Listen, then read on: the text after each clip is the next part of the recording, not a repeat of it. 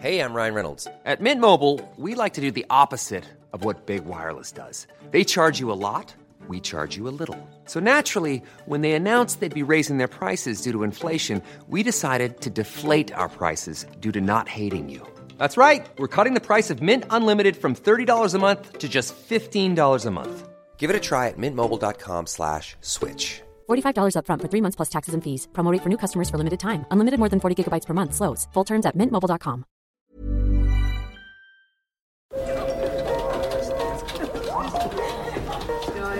Dette er lyden av norsk næringsliv. Akkurat nå tas det små og store valg som kan bli avgjørende for fremtiden. Med økonomisystemet X-Leger tas disse beslutningene basert på informasjon i sanntid, slik at drømmer og ambisjoner kan bli virkelighet. Få kontroll og oversikt. Gå inn på xledger.no. Denne sendingen er sponset av Xleger.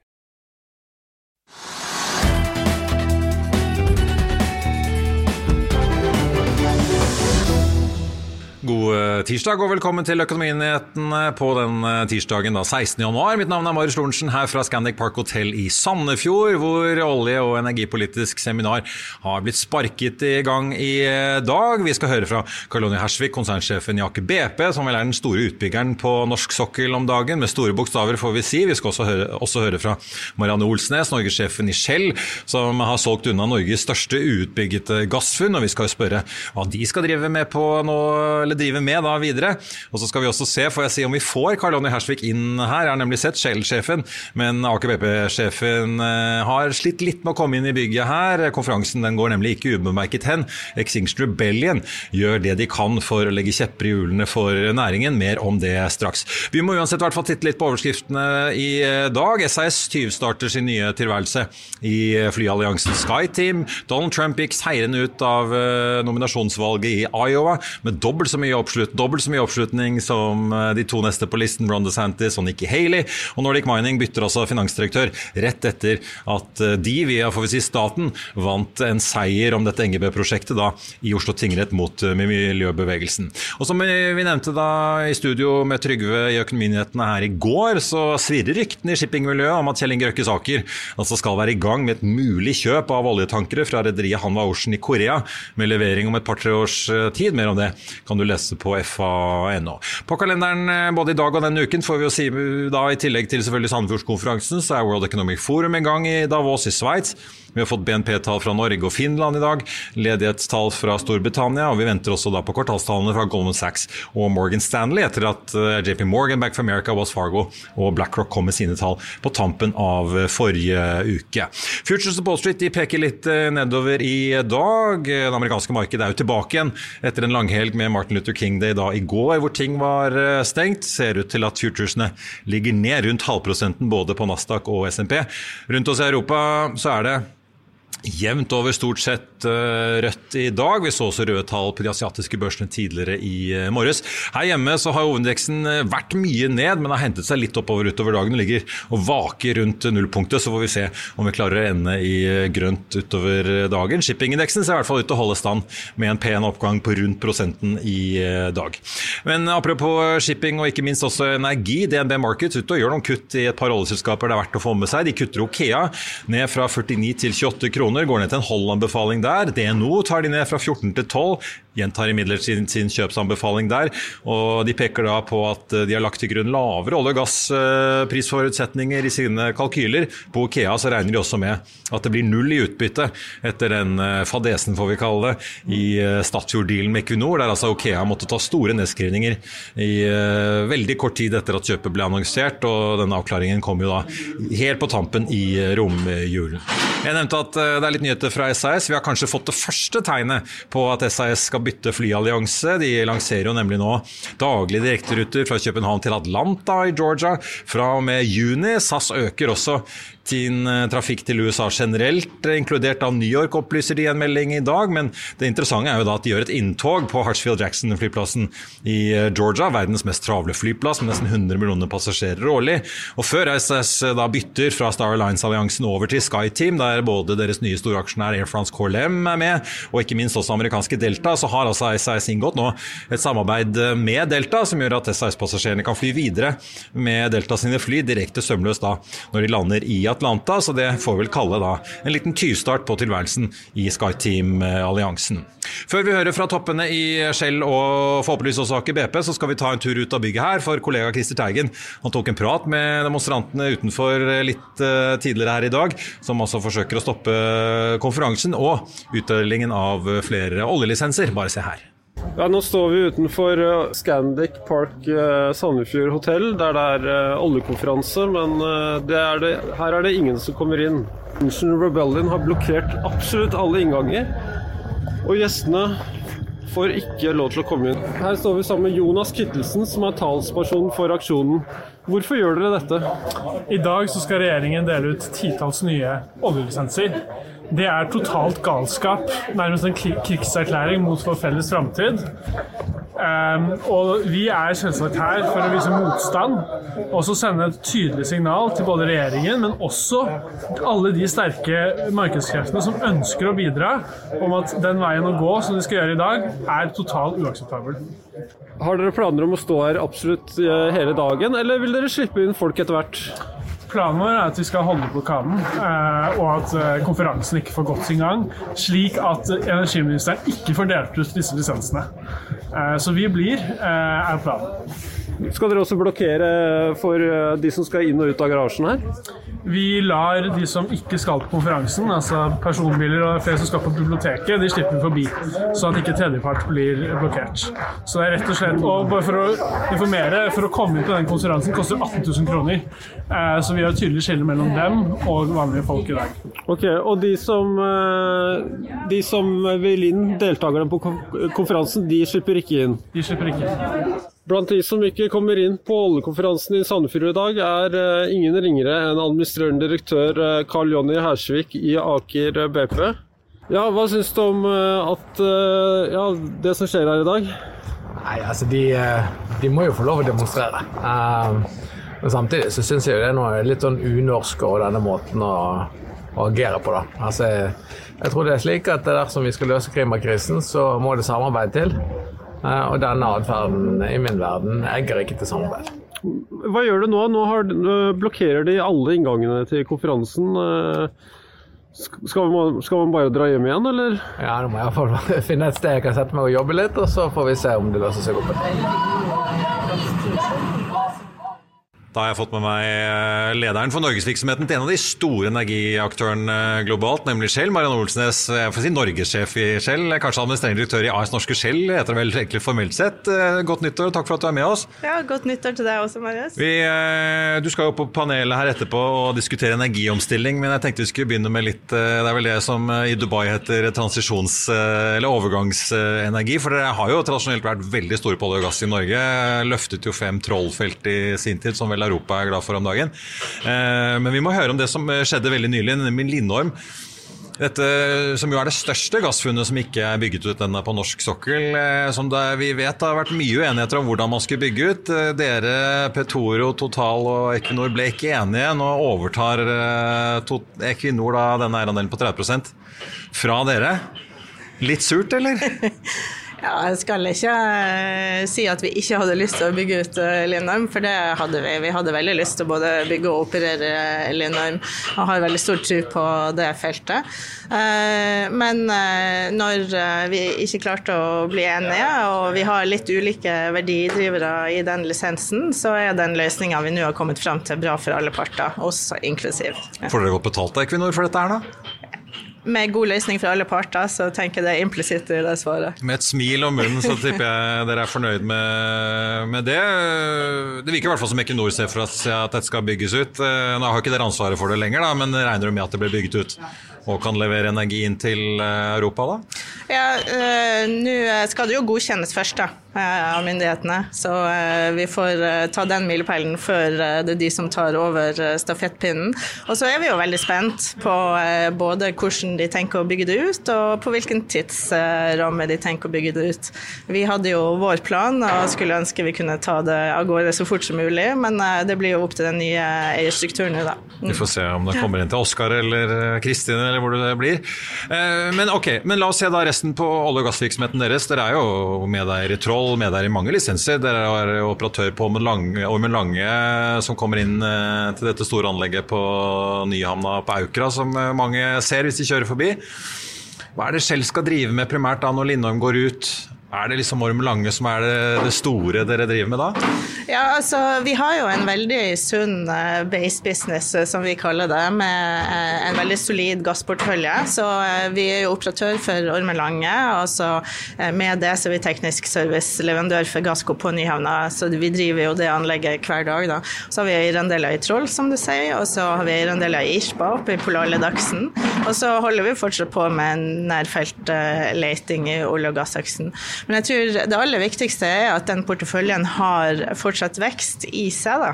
Eh, Så på Ormen Lange holder vi jo på med et av de store kapitalprosjektene på norsk sokkel, Ormen Lange fase 3, hvor vi skal installere subsea kompresjon på 900 meters havdyp 120 km ut av kysten. Og det kommer til å levere 30-50 BCM ekstra gass, og det er jo eh, større enn Lindorm, om du vil. Så i porteføljen vår i dag, eh, i Troll også, som Equinor opererer, så er det flere akselerasjonsprosjekter på gang, og mye vekst og verdiskaping i eh, nåværende base. Og så er den veldig konkurransedyktig i forhold til kost, den har langsiktighet, og er en god base for eh, alt mulig annet vi kan holde på med i framtida. Dere er jo et stort energikonsern som kan eh, velge globalt hva dere skal satse på.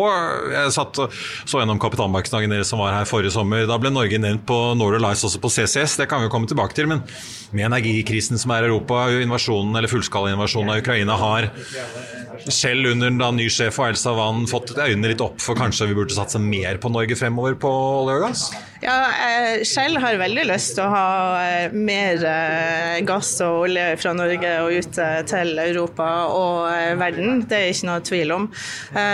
Vi har strevd over flere år med på en måte vekststrategi og få til vekst i Norge. Det er et veldig konkurransedyktig marked. Det er mange om Ja, ja. i forhold til på en måte hvis du skal betale for, for assets.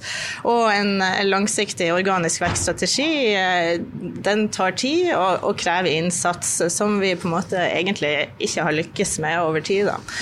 Eh, Men eh, vi gir ikke opp, så, eh, og jeg tror på en måte hovedpunktet om å, om å være verdifokusert og ikke volumfokusert, og gå etter de mulighetene som fortsatt er der. Nå er vi på Sandefjord- Sandefjord-konferansen, og jeg har jo no krysser fingrene for at vi får noen nye blokker i Lisenser APA. skal deles ut her i ettermiddag, de så vi får se fasiten. Den kommer vi, snart, men- se hva som skjer der. Og så, og så fortsetter vi å jobbe med de assetene som grunnpilar, og, og håper på at vi får til litt vekst eh, også i oppstrømsvirksomheten. Samtidig som vi jo eh, holder på med forretningsutvikling i de lavkarbonløsningene. Ja, for det skal jeg komme til, men bare til slutt på det da, slik jeg tolker det, så trenger organisasjonene dere ønsker mer å gjøre.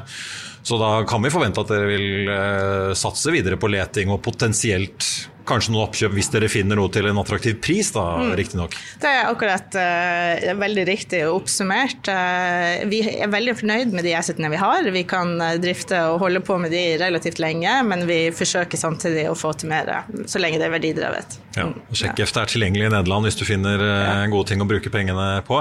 Skal vi, apropos da, gode, gode ting å bruke pengene på, vi må snakke litt om energiomstillingen også. Ja. Dere har mange jern i ilden, men som veldig mange andre, tror jeg, så regner dere mye for å passe på om man klarer å finne noe lønnsomhet. Både på karbonfangst og på eh, havvind. Jeg vet ikke om vi skal, skal vi begynne med karbonfangst, hvor det i hvert fall fremstår for meg som det på begge sider av Atlanteren, enten du ser på de amerikanske aktørene, som Equinor også har blitt med via Chevron, eller hvis man ser Europa, så begynner ting å bevege seg. Prosjekter virker å bli sanksjonert og få grønt uh, lys. Dere er jo med i Northern Lights, som uh, vel skal begynne å ta imot CO2 om ikke i år, kanskje starten av uh, neste år? 2025 så kommer cashflowen fra karbonfangst og -lagring på Northern Lights. Ja. Så, Hvordan da- ser liksom forretningsmulighetene ut der nå? For vi vet jo at EU ønsker kvoteprisen, altså prisen på CO2-utslipp, opp i utgangspunktet. Ja, og vi støtter også policy og regulation som på en måte styrer mot å lage et marked for lavkarbonløsninger. Det tror jeg er veldig viktig. Viktig. Og du snakka litt om det amerikanske markedet. Vi har vært injisert CO2 i prosjektet vårt der i 15 år. 6 millioner tonn så langt. Og på Nano Lights så begynner vi å få inntekter da i 2025 når det kommer til Vi er klare til å ta imot 2024, men kundene er litt forsinka da. Så, så, det er jo det å klare å få industrikundene eh, til å, å, tørre å satse på eh, karbonfangst og -lagring. Og, og, det kommer jo med regulering og policy i, i forhold til at eh, det skal koste å slippe ut og forurense, og så skal det være attraktivt for oss å velge grønne løsninger. Mm. Så En del man kan bruke naturgass på er jo, eh, med CCS, det er jo lave blått hydrogen, eh, som jo sånn sett per definisjon er utslippsfritt. Jeg vet dere jobber med det, kanskje da ut ifra Nyhamn-anlegget, eller i hvert fall i området rundt uh, Aukra. Mm. Og så vidt jeg skjønner så ender dere pluss-minus at blått hydrogen versus grønt fra elektrolyse fort kan være halv pris. Selv om det er mye dyrere enn hydrogenproduksjon rett fra naturgass med utslipp. Ja. Ja. Er, liksom så, er, det så store forskjeller om å gjøre her? Ja, Det, det kommer jo an på eh, hvilken base man har. da. Og Når vi eh, fra Norge har en eh, veldig god eh, gassproduksjon som, med nedbetalt infrastruktur og, og langsiktighet i det, eh, så, så, vil jo det være en veldig attraktiv eh, mulighet for blått hydrogen til et marked også relativt nærme med Europa. så i sammenligning, altså, hvis du ser på Europa som et eget marked, hvor skal hydrogen til Europa komme fra, så vil blått hydrogen fra Norge være det mest konkurransedyktige inn til Tyskland og Nederland. Eh, over det å bruke eh, offshore vind eh, i Også elektrolyse fra strøm. Ja, eller ja. sol i Midtøsten og ja. shipping, f.eks. Ja, så dere tror sånn sett Norge, ikke bare som mottaker av CO2 og lagring, men også produsent av blått hydrogen fra naturgassen vår kan den, slå fra seg konkurransen med da kanskje import fra Midtøsten? Da. I forhold til kost, ja. Mm. Det store spørsmålet er om eh, markedet utvikler seg. Det, ja. Ja, om det er noen som faktisk vil bruke hydrogen. Ja, Det får vi se. Vi til slutt snakke litt om uh, havvind Extinction Rebellion er i full gang utenfor vinduet her, så vi får bare holde koken. Uh, Havvind, dere har jo vært med i prekvalifiseringen på Sørlige Nordsjø 2, jobber også med flytende havvind. Mm. Hvordan ser utsiktene ut der nå? da? Utenlands så ser det ut som Equinor, BP og andre aktører legger mange prosjekter i skuffen, at det er vanskelig å få til noe lønnsomhet eh, her. Kan Terje Aasland eh, og departementet regne med at Shell faktisk byr i auksjonen på Sørlige Nordsjø 2? Ja, det, det, er veldig utfordrende i havvind eh, akkurat nå, som du, du eh, peker fram. Og, hvis vi skulle by i dag, så, eh, så, tror jeg nok ikke i partnerskap med Lyse Avenue at vi hadde klart å komme rundt den svingen. Så, så for oss eh, så, så, håper vi at egentlig vi trenger litt mer tid. Vi, vi vi må gjøre noe med kostnivået. Supply chain er i veldig stor uro. Eh, makroøkonomien er ikke så bra i forhold til både cost of capital og finansiering. Eh, så mer tid før bud vil øke sannsynligheten for at vi byr, da. Men eh, vi får se når den tidsfristen kommer, om vi er kommet i mål. Dere har jo et miljø i Norge som jobber mye med dette her. Dere har jo også store globale muskler. Hvordan ser på en måte havvindutviklingen ut i Norge versus andre deler av eh, Eller andre regioner i Skjell, for å si det sånn. Er det sånn at Norge er omtrent på linje? Ligger vi foran, bak? Eh, altså vi, Norge ligger jo bak i utvikling eh, versus f.eks. Danmark og UK og Nederland. Der har vi jo vindparker i produksjon og, og prosjekter eh, på gang under bygging.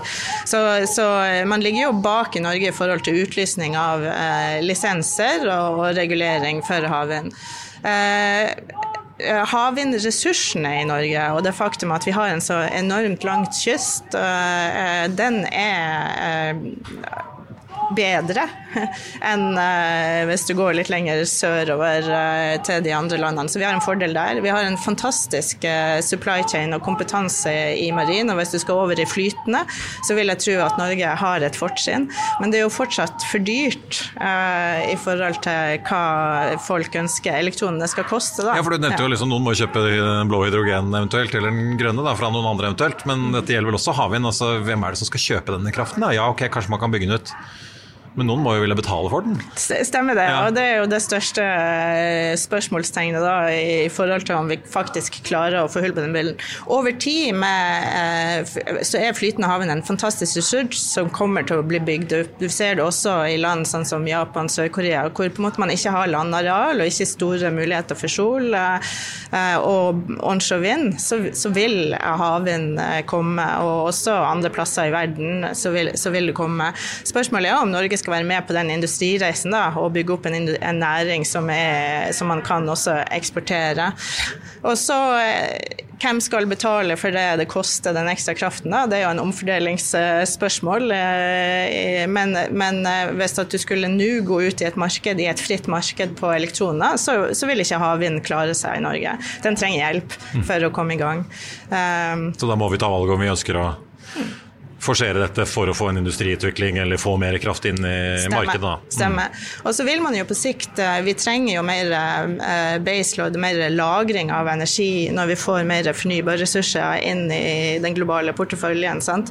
Så eh, noen tenker at hydrogen kan være en sånn løsning, andre tenker batteri og ulike typer lagring, ammoniakk etc. Men ja, tiden vil vise da hvilken teknologi som som på en måte klarer seg i det hele. Men at havvind kommer til å komme over tid, vi trenger det globalt sett i porteføljen, helt sikkert. Mm. Marianne Olsnes, eh, sjef i Norske Skjell, tusen takk for at du var med oss. Så blir det spennende å se hva vi ser av nyheter fra dere utover det nye året. Tusen takk. Vil du bli oppdatert på det viktigste som har skjedd innen finans og næringsliv? Da er det bare å følge med, for hver morgen er jeg, Marius Lorentzen og aksjekommentator Karl Johan Malnes på plass i studio for å ta tempen på dagens marked i Børsmorgen. Og hver ettermiddag oppsummerer vi alt du trenger å vite i økonominyhetene, og det blir selvfølgelig masse interessante gjester. Klikk deg inn på fa.no-tv, eller søk opp Børsmorgen og Økonominyhetene der du hører på podkast.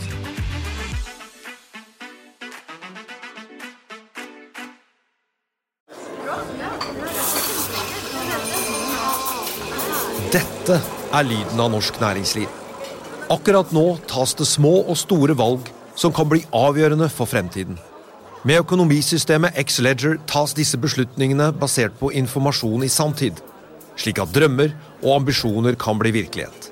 Få kontroll og oversikt, gå inn på xledger.no. Denne episoden er sponset av van Brun, en fremtredende smykkeforhandler kjent for sitt brede utvalg av forlovelsesringer, gifteringer og diamantsmykker som bæres og elskes i generasjoner. Et frieri er en av de største øyeblikkene i livet, hvor forlovelsesringen er et tidløst symbol på kjærligheten.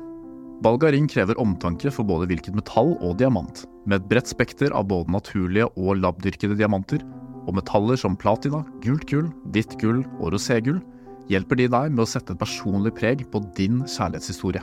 Van Brun vil gjerne invitere deg til å prøve på tre av dine favorittringer fra nettsiden helt kostnadsfritt. Du kan også låne et bredt spekter av frieriringer, slik at du og din forlovede kan velge en ring sammen etter det store ja. Van Brun tilbyr 90 dagers åpent kjøp og 90 dagers gratis størrelsesjustering.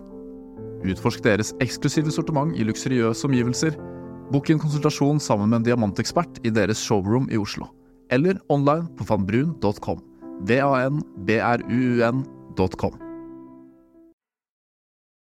Da har vi fått med oss han jeg jo kalte den store utbyggeren med en stor U på norsk sokkel, nemlig Karl Jon Ersvik, konsernsjef i Aker BP. Godt nyttår, og takk for at du er med oss. Og velkommen inn! Vi så deg jo på video her ute i sted. Du kom deg inn døren her til slutt. Ja, takk, takk. Jeg fikk eh, hengt meg på. Fikk litt uh, politieskorte, faktisk. Det er første gang jeg har vært med på. Det er ja, kanskje siste vi får se. Det er i hvert fall hyggelig at uh, du fikk litt bistand inn. Du, vi må jo snakke om En ting er demonstrantene ute, men vi må snakke om hva slags år 2024 kan bli, og litt for dere og litt for energibransjen. Dere er jo midt inne i en veldig hektisk byggeperiode. Mange store felt, Yggdrasil, Fenris, you name it, er under eh, bygging. Ja. Dere fikk Cobra eh, i Skekko i, i produksjon her i oktober, lenge før skjema.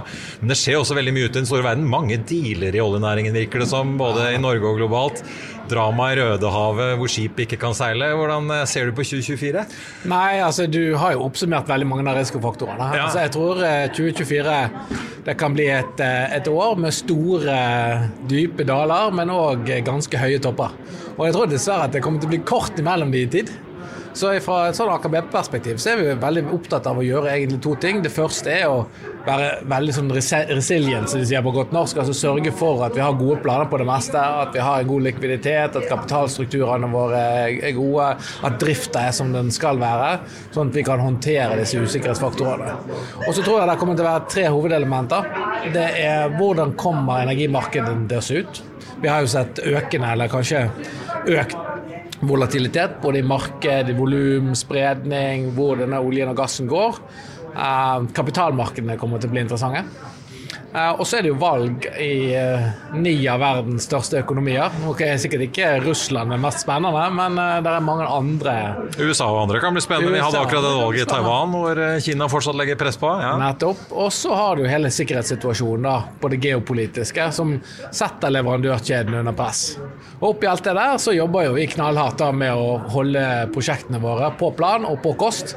Og det er egentlig veldig deilig å gå inn i 24 og kunne si at vi er faktisk der vi skal være. Ja, For dere føler fortsatt dere har kontroll på kostnadene og gjennomføringstiden uh, si, eller farten uh, ja, den store utbyggingen? Absolutt. Vi, uh, vi, møter de milepælene vi har planlagt, uh, og kostnadsutviklingen er slik vi predikerte den skulle være. Overraskende nok, kanskje. Og Det er jo ekstremt viktig å holde styr på kostnadene i en verden hvor selv med alle uroen så ligger vi fortsatt en hårdspredd under 80 dollar fatet, og vi ser USA pumper ut voldsomme mengder eh, olje, og Giana Brasil trapper jo også opp, så det er ikke sånn at dere holder på alene på norsk sokkel eh, i dette absolutt, verdensmarkedet? Absolutt ikke. Uh, så det, det, sier, det der kan ikke vi kontrollere. Vi bruker ikke så mye tid på det. Vi bruker tida på de, de tingene vi kan kontrollere.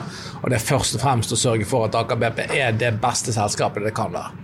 Eh, litt tilbake i eh, tid, da dere slo dere sammen med BP i sin tid, da heter det jo Det Norske, så anslo du et potensial for kanskje å nå 250 000 fat i 2023, altså året vi akkurat har lagt eh, bak oss. Jeg måtte jukse litt i forkant her, gå og sjekke.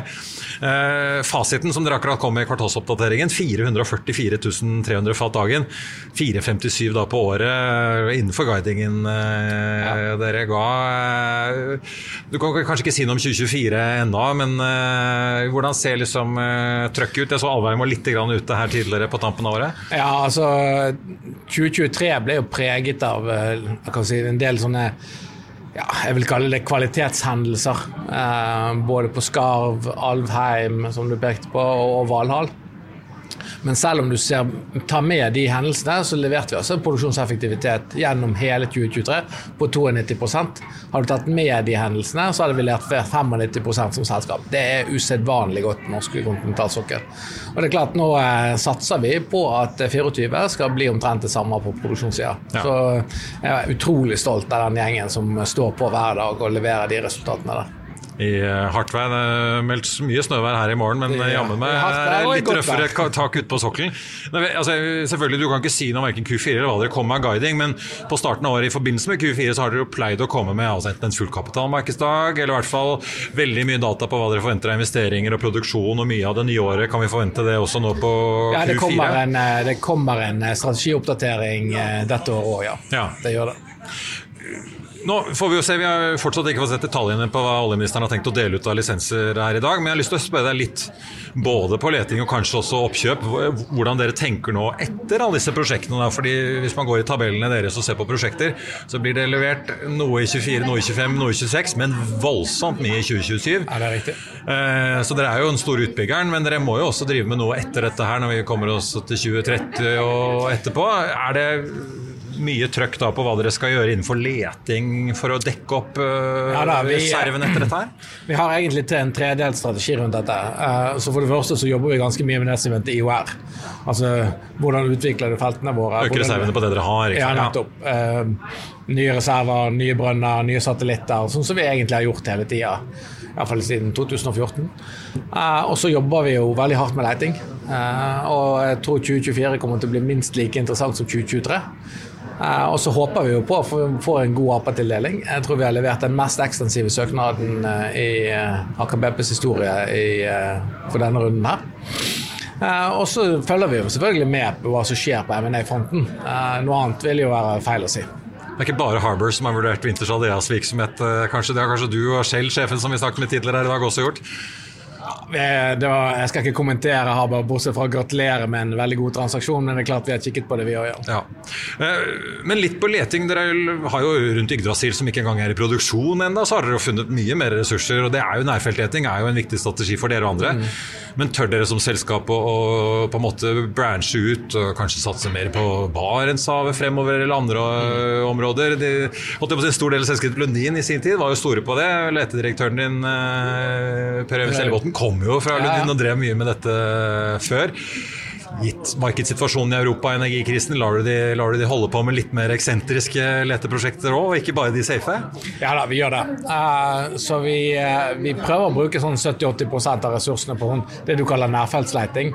Men det, den omkretsen der er 50 km i radius. Det er en bra passer, ja. Så det er ganske, når du legger den rundt alle hubene våre, så dekker du mesteparten av norsk kontinentalsokkel. Og så bruker vi 20-30 da på det som du kaller litt mer eh, eksentrisk leiting. Altså litt nye modeller, litt andre måter å tenke på.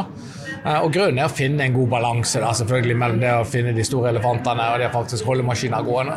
Så, så det jobbes på begge områder. Og det er klart med, som du påpeker selv, med eh, integrasjon med Lundin, så har vi fått om bord nytt tankegods, nye måter å tenke på. Og det er jo nettopp i den brytninga der mellom en litt sånn tradisjonell måte å tenke på og en litt ny måte å tenke på, eh, at det kan skapes gode resultater. Så dere har tenkt å levere litt på det sjefen for Sokkeldirektoratet etterlyser i sokkelåret, at eh, dere i bransjen må også tørre å ta de litt mindre utforskede områdene for dere? Ja, det, det vil vi gjøre. Og, og det er klart at vi har jo alltid vært på jakt etter dette. Og så er det om å gjøre å liksom få de områdene som faktisk er attraktive. Det er jo ikke slik at det ikke er konkurranse om disse områdene. da. Karl Johan Gjersvik i Aker BP, tusen takk skal du ha. Godt nyttår. Så får vi følge med hva dere får av lisenser utpå dagen her. Takk skal du ha, likeså. Og Da eh, nærmer vi oss slutten av eh, denne sendingen. Vi får se hvordan Oslo Børs ender i dag. Vi har jo både sett eh, litt grønt utover dagen etter en ganske rød start. Vi ligger og vakker rundt null, men jeg kan ikke love noen fasit før da klokken viser 16.30 litt senere i dag.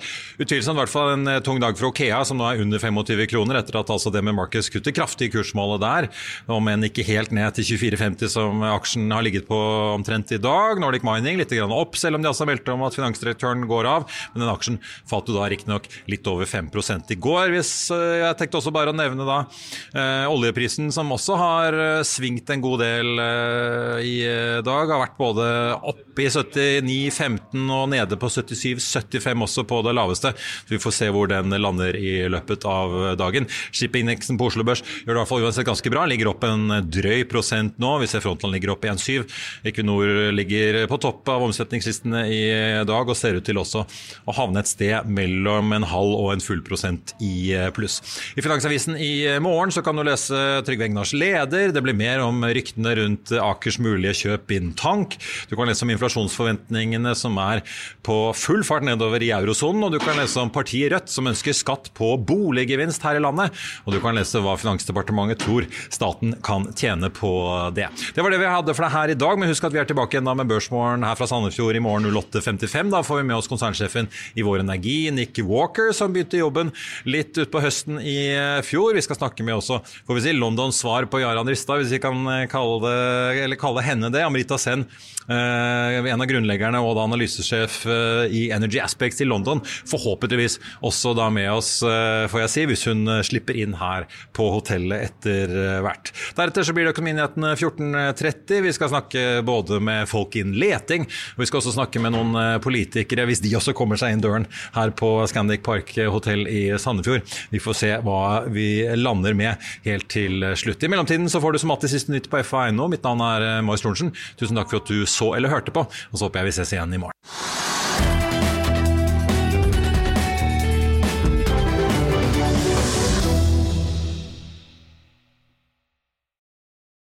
Denne sendingen er sponset av Xleger. Økonominyhetene er en podkast og videoproduksjon fra Finansavisen. Programleder er Marius Lorentzen. Aksjekommentator er Karl Johan Molnes. Produsent er Bashar Johar. Podkast- og videoansvarlig er Marius Mørk Larsen. Og ansvarlig redaktør er Trygve Hegnar.